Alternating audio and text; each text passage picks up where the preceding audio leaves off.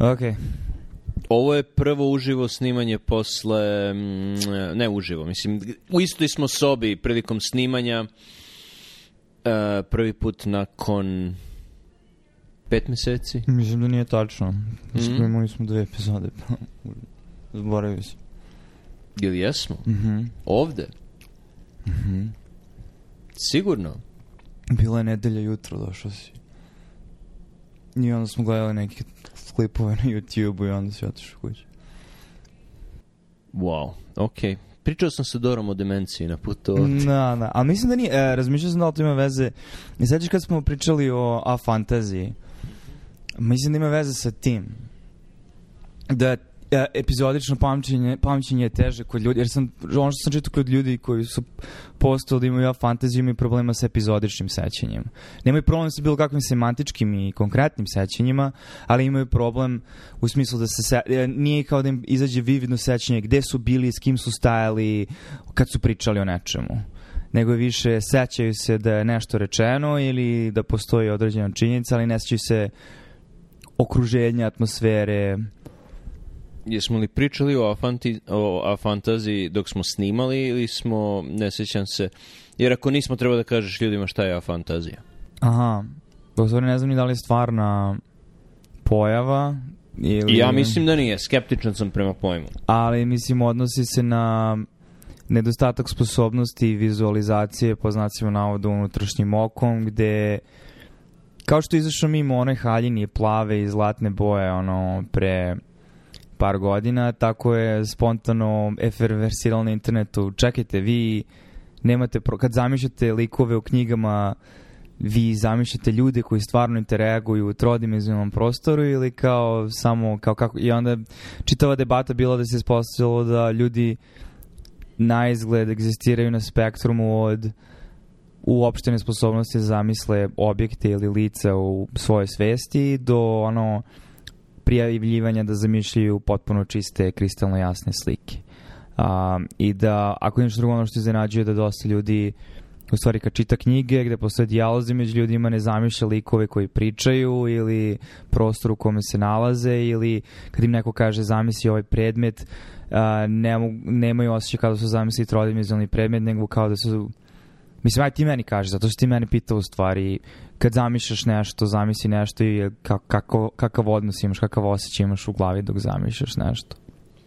Mislim da je u pitanju, u cele stvari oko fantazije, nisam stručnjak, ali mislim da je u pitanju uh, nesporazum između ljudi koji su precizni u svojim opisima i ljudi koji nisu toliko precizni u svojim opisima i da u principu ljudi pričaju istoj stvari, ali, ali oni kao ja koji, ok, ako vidiš nešto, znači da ga vidiš, znači da je, da je ispred tebe i vidiš ga, i to je jedino kako bi opisao da vidiš nešto, onda kažeš ne, ja ne vidim žutu loptu ispred sebe kad je zamišljam, dok ljudi koji imaju malo labavije mišljenje, malo su manje precizni u, u, u svojim opisima, kažu da, da, da, ja, ja vidim žutu loptu ispred sebe. Mislim da je u pitanju taj nesporazum i mislim da ono što ja kada zamišljam da žuta lopta stoji ispred mene ili plavi pas koji izlazi iz vrata ili šta god, mislim da je u pitanju ista stvar. Ok, ja mislim da je u pitanju cope, ali... Se. Ne, um, ver, verovatno to može da ob, objasni deo tog efekta, ali pričat ću se s drugim ljudima koji opet um, navodno imaju sličnu situaciju. Kada pričam sa njima o zamišljanju objekta, mislim ta osoba u drugoj sobi, sada uh, kaže da zamisli više sećanja na objekat koji ima nego kao da treba da sad formuliše novo nastali objekat u svojoj glavi. Um, ili da nema osjećaj kao da je taj objekat trodimenzionalan kada ga zamisli, da ne može da zamisli recimo rotaciju tog objekta u prostoru i tako dalje. Um, ok. Ono što si rekao sa zamišljanjem likova e, dok čitaš knjigu, generalno je lakše zamišljati to ako je u pitanju knjiga čiju, čiju si ekranizaciju već gledao, tako da, da vidiš likove, ali mislim da je to više veština pisca, a ne um čitaoca, da li je sposoban da evocira konkretan izgled i konkretnu scenu i neki pisci su jako dobri u tome.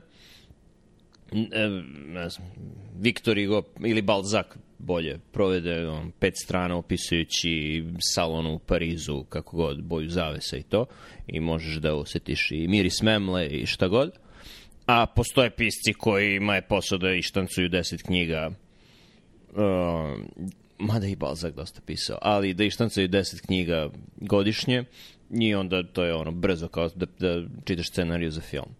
Tako da mislim da je to više veština pisca, a ne, a ne sposobnost čitaoca. Ali opet možda, možda, možda si u pravu, možda pokušavam da, da se da se izborim sa tim svojim intelektualnim nedostatkom time što Ali ne kažem mislim da je intelektualni nedostatak. Zašto bi intelektualni nedostatak? Mislim da samo variacija u um, ljudskoj kogniciji na koji način procesiramo stvari. Znaš, znaš šta mislim da je bitan da aspekt, pa sad nastavi, um, u kojoj meri aktiviraš verovatno delove mozga koji su vezani za spoznaju prostora u, tro, u trodimenzionalnosti svojoj. Um, jer mislim, jer teško je uopšte artikulisati neke tih stvari, slažem se da argumentacija kojom se ti služiš da kažeš, a ljudi samo nisu dovoljno iskreni ili precizni u, u svom govoru, ali neke od tih stvari se ne mogu opisati zato što podrazumijevaju tvoju impresiju, recimo, nalaženja tebe u nekom prostoru koji ima tri dimenzije u kome se nalaze određeni objekti i u kojoj meri um, se ta živopisnost oživljava kada i zamišljaš fiktivne objekte u glavi, a ne samo kada izlačiš sećanje ili šta već. Mm, rekao sam da je nedostatak jer u, po, u, u nazivu pojma a fantazija, znači nedostatak fantazije, znači u, samom, u samoj imenici je, je nedostatak, zato sam rekao nedostatak. Inače bismo nazvali, znači to je, pojam je da postoji nešto što 80%, 80 ljudi ima, a to je fantazija, i ljudi koji, koji nemaju fantaziju, imaju afantaziju, odnosno nemaju fantaziju. Znači, to jeste nedostatak, to je u definiciji. Mogli smo da opišemo to ne, ne na taj način, iz druge perspektive da, ne znam, 80% ljudi e, nema tu sposobnost, a 20% ih ima, to ne bi bila sposobnost, to bi bila ti ljudi Uh, koji, koji vide to, ne, ne, ne znam, na, našao bi se neki način da ti 20% ljudi nema nešto. Nemaš, nemaš sposobnost abstraktnog razmišljanja ili tako nešto. Z, zato, zato kažem nedostatak. Ok, mislim dobro, ne moramo se bavit ćemo oko tih definicija, razumu da si tako rekao, se zvučilo kao da si rekao da je... Jer mislim isto ono, levorukost i desnorukost egzistira na... Čist nedostatak. Pa, mislim, na... Ili ateisti imaju nedostatak Boga, šta, mislim... Apsolutno. Okay. Ateizam. Da, da. A, bitno. Um... Womp womp.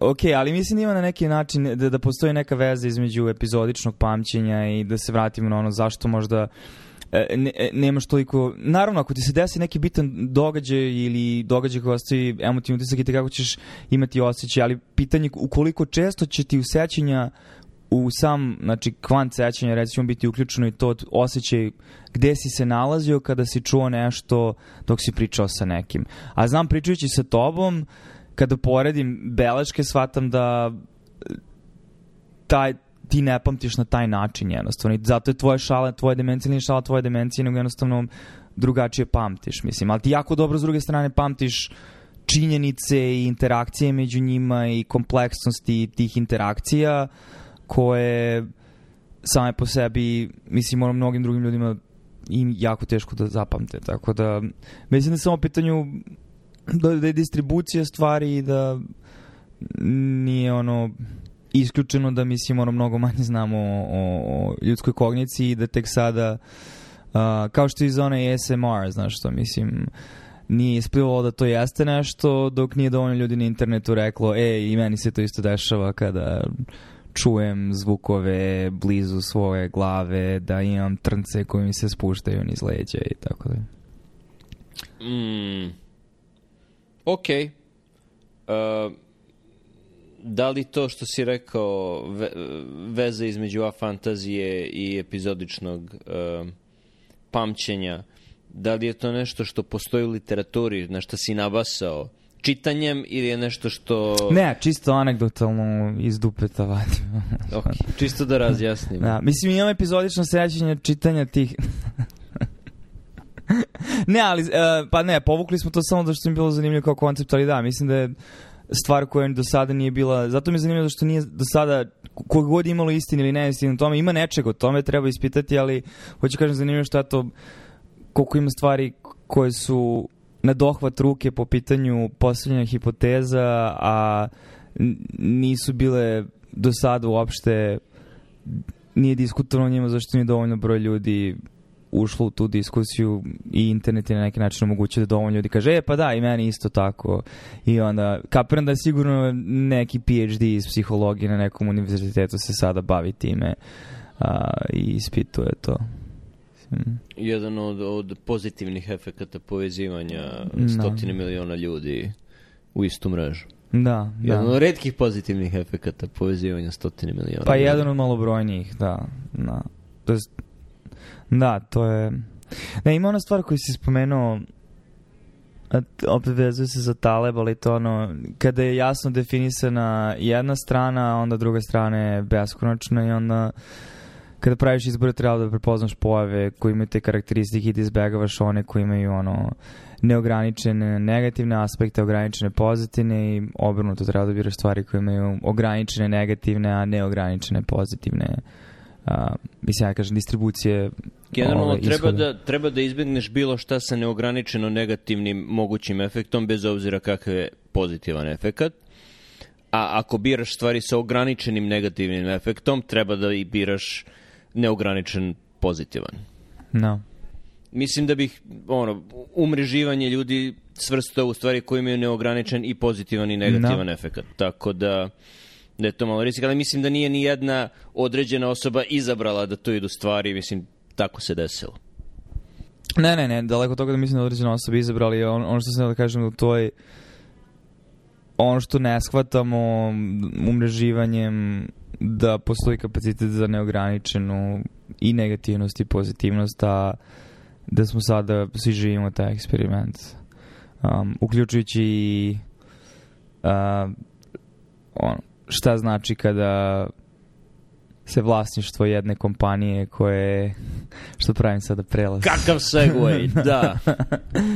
Vlasništvo kompanije koja slovi za jednu od najuticajnijih društvenih mreža, sajtova, šta god, foruma za razmenu mišljenja, uh, Twittera i sada mislim da vidimo grčki hor Blue Checkera koji žalo pevaju uh, i pevaju poslednju pesmu, Lavudovu pesmu Twittera, Lavudovu pesmu Twittera, pred, pred, pred nestanak. Da, ovo je možda 1027. Labudova pesma Twittera, jer su napuštali Twitter ljudi mnogo pre 2016. 2016. 16. su ga tek napuštali i onda svake godine nakon toga i nikako da ga napuste.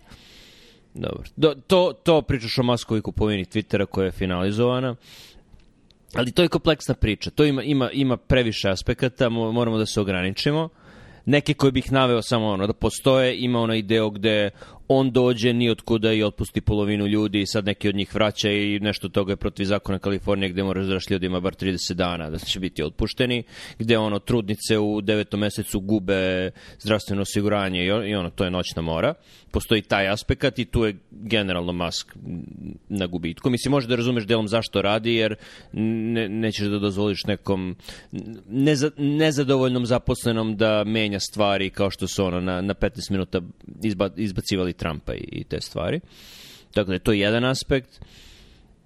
Drugi aspekt je njegovo razmišljanje ono, kuda Twitter treba da ide i malo i po onome što je on retweetovao i o čemu je pisao i on gleda na Twitter kao na onu veliku neuromrežu i, i posmatra, posmatra to kao mozak čovečanstva, da li je upravo ili nije, ne znam. Uh, treći aspekt koji je ono, meni najzanimljiviji, najsmešniji, tu je generalno masku pravo i oko plavih plavih checkmarkova koji su uh, davani ljudima da bi se verifikovalo da su, da su oni stvarni, da, su, da, da stoji stvarna osoba sa imenom i prezimenom iza tog naloga. I to je nastalo, čini mi se, možda grešim, negde u vreme Gamergate-a, koji deluje kao da je ono davna, davna prošlost, ali u to vreme je, je e, dosta novinara je bilo napadano i dosta novinara, je, postojali su lažni računi ne, gaming novinara i oni su prvi koji su dobijali te te, uh, u stvari je beli checkmark, a plava je pozadina, ali dobro, da se blue checks, nije bitno. Oni su to dobijali i to nije bio znak da imaš ono milion pratilaca ili to, nego jednostavno da bi se sprečilo, da bi se sprečio srpska reč za harassment.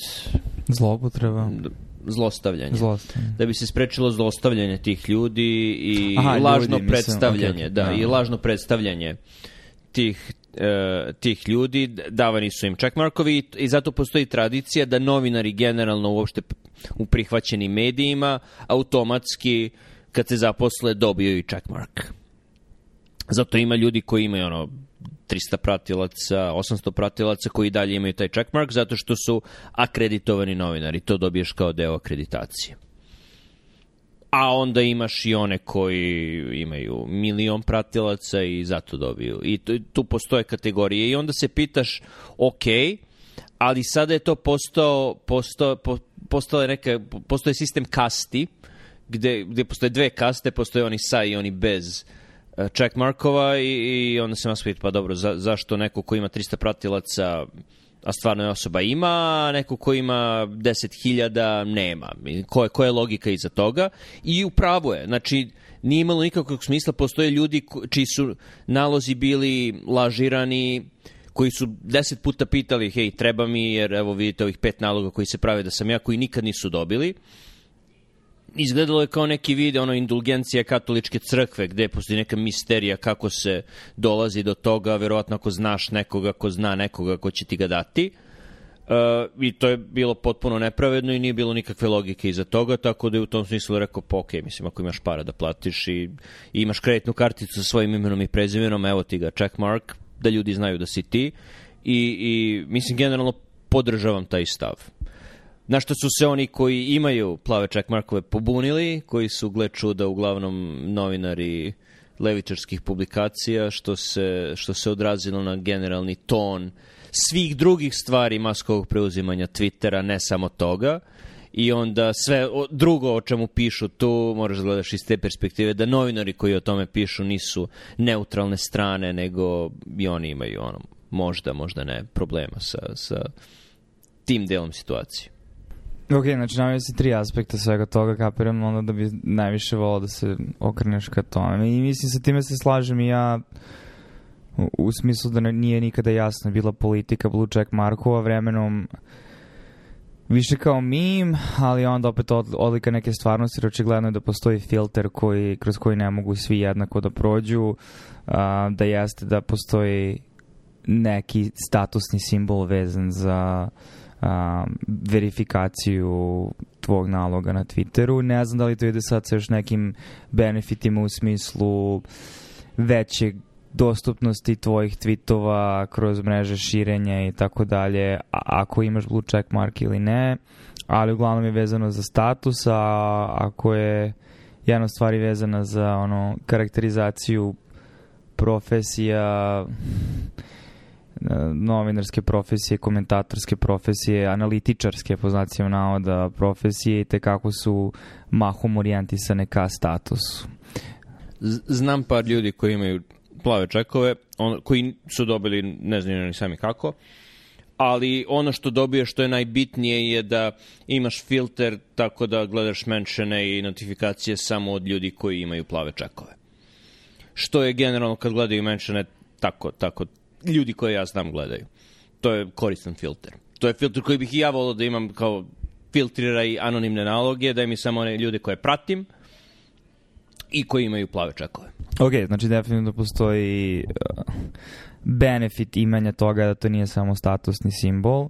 Um, ako ništa drugo, Twitter ti stavlja pečat autentičnosti u nekom obliku, jer ako neko želi da isfiltrira trolove, može da isfiltrira i neki stvarni nalog koji možda stvarno može nešto da prinese konverzaciji služeći se tim filterom, te zajem tim ukazuje na ne fair same politike i mislim sa time se slažem i onda se zapitaš zašto postoji takva reakcija i toliko burna reakcija gde znaš, nije, nije mi nije mi strano već godinama nazad e, kontinuirano razočarenje u, u javne figure i onda određen nivo verovanja u okviru domena njihovog ono, njihovog profesionalnog domena, ali onda kad krenu da pišu ili pričaju o stvarima koji se ne tiču naročito, pogotovo kada su one prebojene nekim emotivnim nabojem,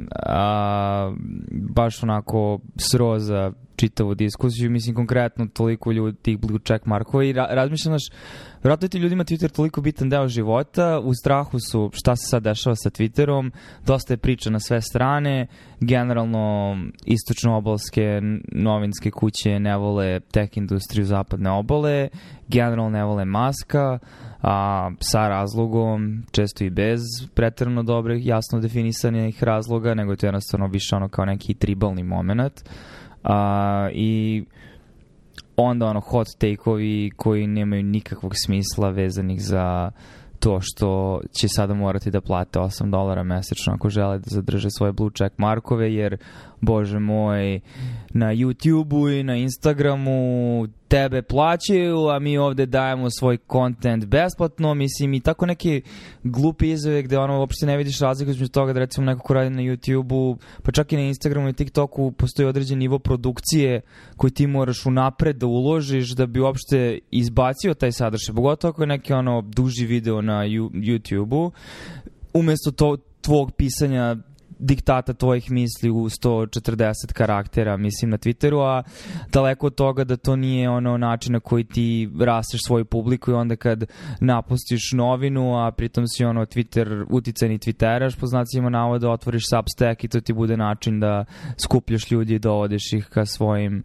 i, i, i sebi. Tako da e, nije mi, nije mi mnogo jasno definisana ta veza ili barem mislim da ljudi nisu manje ili više, ili da li namerno ili nenamerno iskreni kada, kada interpretiraju da je problem u tome da treba da plate Twitteru da bi bili verifikovani. Ali i mislim da ćeš ti vratno to da nasaviš, ispostaje se da možda veći problem u tome što nešto oni neće biti verifikovani, nego što će svi pleb, plebejci biti verifikovani, tako da će i Urta i Murta biti verifikovani i samim tim status a, mene kao otisanog Twitteraša ta, samim tim manje vredi. Zanimljivo je što sam video uh, gomilu naloga novinara, pisaca Substacka, uh, pisaca knjiga i drugih autora, koji kažu ne, ovo je užas, uh, strašno što se dešava, uh, ako Twitter ne postoji ili ako nema Twitter ili ako se ovako nastavi, izgubit ću kontakt bukvalno sa svim ljudima koji prate moje stvari, koji čitaju moje stvari, koji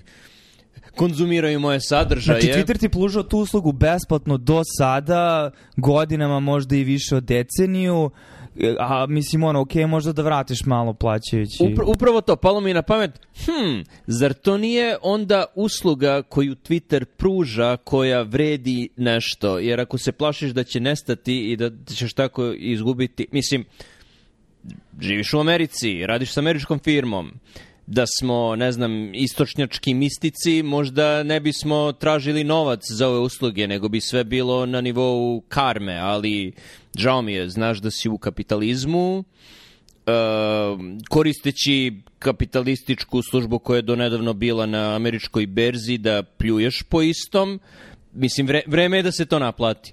Pa da, i mislim, i opet nelogično mi je, e, opet kognitivna disonancija između toga da si spreman da plaćaš nečiji substack ili spreman si da platiš, mislim, gomilu stvari. Jednostavno mislim da... Uh, problem je, mislim, zašto je taj argument uopšte ima bilo kakvu težinu i zašto uopšte se provlači kao i ole relevantan što su ljudi naučeni na to da su društvene mreže po znacima navoda besplatne.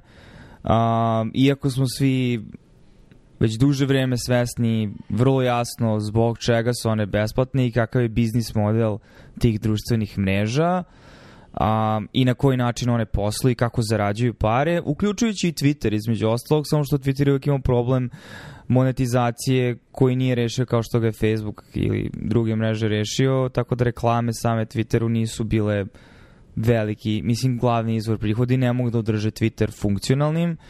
Tako da mi opet, mislim da ono, da ljudi projektuju svoj strah o tome zato što se plaše da će izgubiti nešto što su do sada na Twitteru imali i da li će biti sad navala kakvog god desnokrilnog fašističkog nazovi uh, ono, babarogi ili čega god. Uh, a u isto vreme imaš sad taj isto grift moment koji malo počinje da mi bude ono sve više jasan, a to je, ok, ovo je konverzacija sada, onda ću ja da se uključujem u konverzaciju. Znaš, on kaže, postoje mnogi razlozi zašto ljudi misle da 8 dolara ima smisla.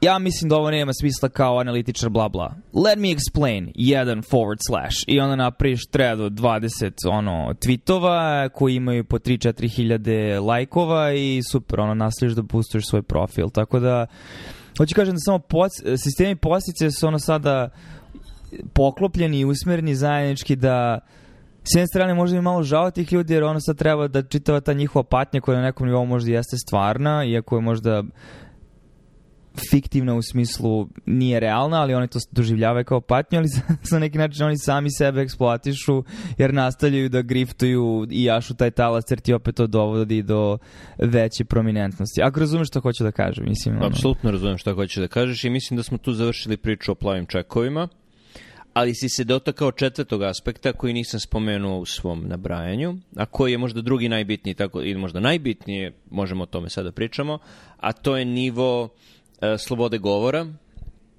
i straha mnogih od tih plavih čekova i drugih ljudi da će se Trump vratiti, da će se mnogi desničari vratiti, da će, da će Twitter ono postati nepodnošljiv za bivstvovanje. I ono što sam mislio tu je da bi Twitter u stvari najlogičnije bi bilo da, da ima isti model kao Reddit, na primer, jer e, ne može da postoji univerzalna moderacija koja će zadovoljiti sve. E, a moderacija je najkompleksniji deo e, cele stvari, ce, bilo, koga, bilo čega u društvenim mrežama. Jednostavno, postoje grupe koje ne vole jedna drugu, ne žele da čuju, vide jedna drugu, misle da ona druga ne treba da postoji, ali kao, ne znam, celina mo, moraju i dalje da postoje. Jedini način da se to desi je da se napravi ograda i da postoje različiti sistemi moderacije u različitim grupama. Ne znam, sad postoje Twitter Spaces, ne, ne Spaces, postoje grupe, Twitter grupe, koje mislim da nisu široko upotrebi, ali to je jedan način da se izoluju i da se naprave različiti sistemi moderacije. Jer mislim da nije razumno, a, a, a, ako kreneš da, da zabranjuješ jedne i druge i uskoro je si na, na onom slippery slope-u gde niko više neće ostati tu. Pa da, ne, ne, ne znam šta to znači, ka, koliko će Twitter gori biti, ali Twitter je prilično loš i sada. Mislim, sve zavisi i glavna moderacija koja se pravi, u stvari korisnici sami prave svoju moderaciju. Korisnici bite, biraju koje će naloge da prate, biraju koje naloge žele da u potpunosti izbegnu šta dolazi na njihov feed, tako da i sada je moderacija na Twitteru mahom vezana za to, tako da, i mislim što si rekao, i filtriranje menšana i ne znam, ovaj, znači opet praćenje različitih grupa, dodavanje ljudi u grupe, pa ti sam filtriraš kroz grupe, ali u velikoj meri zavisno od korisnika i ne vidim ja sada šta to toliko loše može da se desi, da to, mislim, ne, ne vidim da Twitter može postati novi 4chan. Pogotovo što ti ne možeš biti verifikovani nalog u 2022. godini u Americi i da postuješ stvari samo zato što je sada Musk vlasnik koje inače ne bi nikada postovao zato što imaš neke skrivene tendencije ne znam, ono, fašističke ili ono, nacističke, white supremacy, šta god.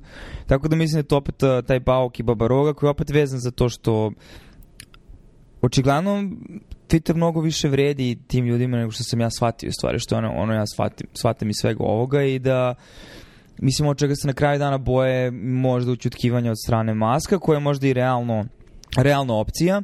Mislim zato što ono ali ja, ja njegov potez recimo vidim kao vrlo ingeniozan u ne, na nekom naravno on je teo da ode da napusti ceo deal, shvatio da je to mnogo dublje zeznutije priče za rešavanje i finansijski, mislim, ono, trošak, to je ono, liability.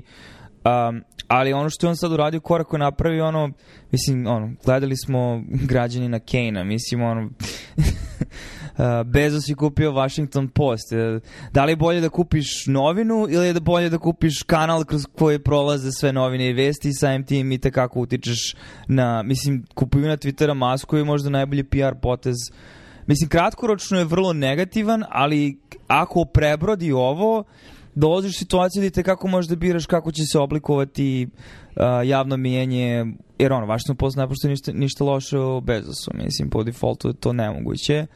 Uh, da li to znači da na Twitteru nećemo vidjeti ništa loše o Masku? Da, I... Jesi li bio na Twitteru skoro? mislim da mislim da ta teza ne, ne drži vodu. Pa ne, ali da će moći da promovi, mislim ne mora bude direktno vezano za njega, ali da će sadržaj koji su više njemu od interesa moći da ima, znaš, mi ne, ne znam, to je privatna kompanija, ne znamo koji će biti algoritmi slaganja, al, algoritmi ono, rank ordera i tako dalje. Tako da mislim da s te strane, e, e, znaš, ako razmišljaš o trenutnom svetu kao postoji simulakra socijalnih mreža koja postoji iznad svega i filteri i kanali su bitni, mislim kao što priča i Ben Thompson o agregatorima, biti na izvorištu nečega tako i te kako ti daje moć u kreiranju javnog mišljenja, mislim. Mm, neću da ulazim u poslovna razmišljanja, sigurno nije, sigurno nije mislio da zaradi na ovome, uh, sigurno je više glavobolje nego, nego što je mislio da će biti, ali uh, ovo ima vi, više potencijala da propadne nego da, da ispadne ok za njega.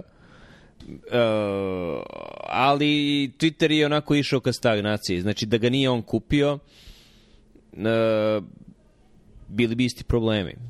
Znači, ne, ne vidim kako je ono što on radi na bilo koji način čini Twitter lošim, baš što je uradio u poslednjih nedelju dana. Uh, svi su znali da Twitter ima previše zaposlenih, sad idem na onaj treći aspekt. Mm -hmm. Imao je 7500 zaposlenih. Twitter.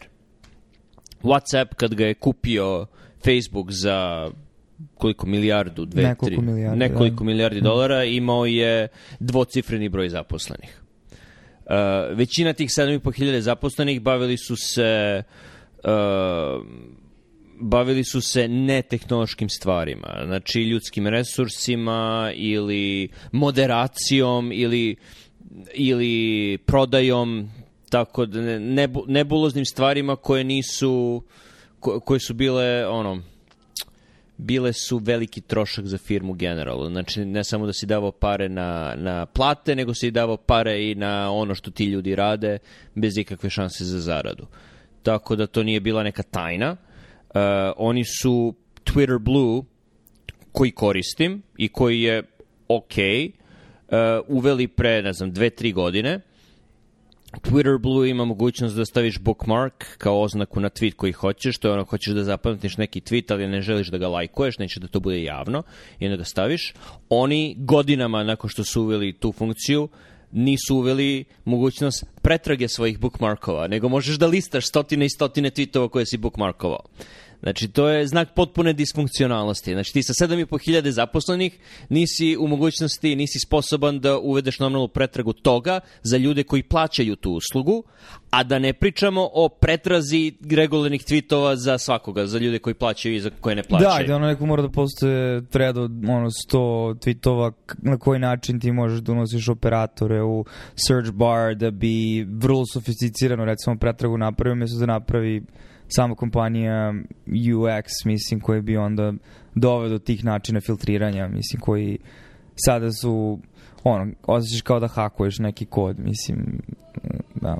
da. Tako da, da, da, da li mi je žao ljudi koji gube zdravstveno osiguranje u trenutku kada očekuju porođaj i slično? Da, jeste, ali sa 7500 zaposlenih Twitter je tehnološki bio ne na C nivou, mislim, postoje srpske firme na Novom Beogradu koje su tehnološki sposobnije nego što je Twitter sada. Tako da ne, ne vidim kako je to bilo održivo i mislim da bilo ko, ko, ko bi kupio Twitter uradio bi to isto što, što je uradio Musk. Tako da, da mu ne bih to uzimao za zlo. Sad dobro, način na koji je to uradio, ono, stići će ti mail i ako ti stigne, napusti prostorije odmah, možda nije bio najsofisticiraniji, možda nije bio najlegalniji, vidjet ćemo ali sam potez je u redu.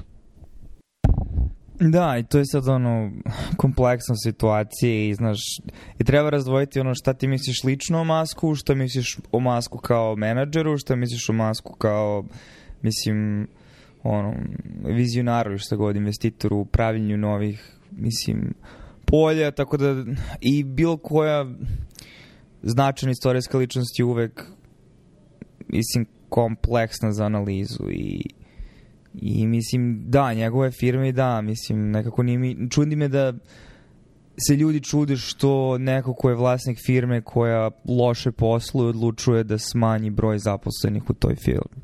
Naravno, sad je problem njegov PR i možda sad ono moje ranije poenta o tome da je dugoročno ovo dobro po njega možda i nije, ali e, to je sad to malo možda autistični moment, ono, skrešimo to što pre i da, da rešimo s tim, kao manje će da boli, ali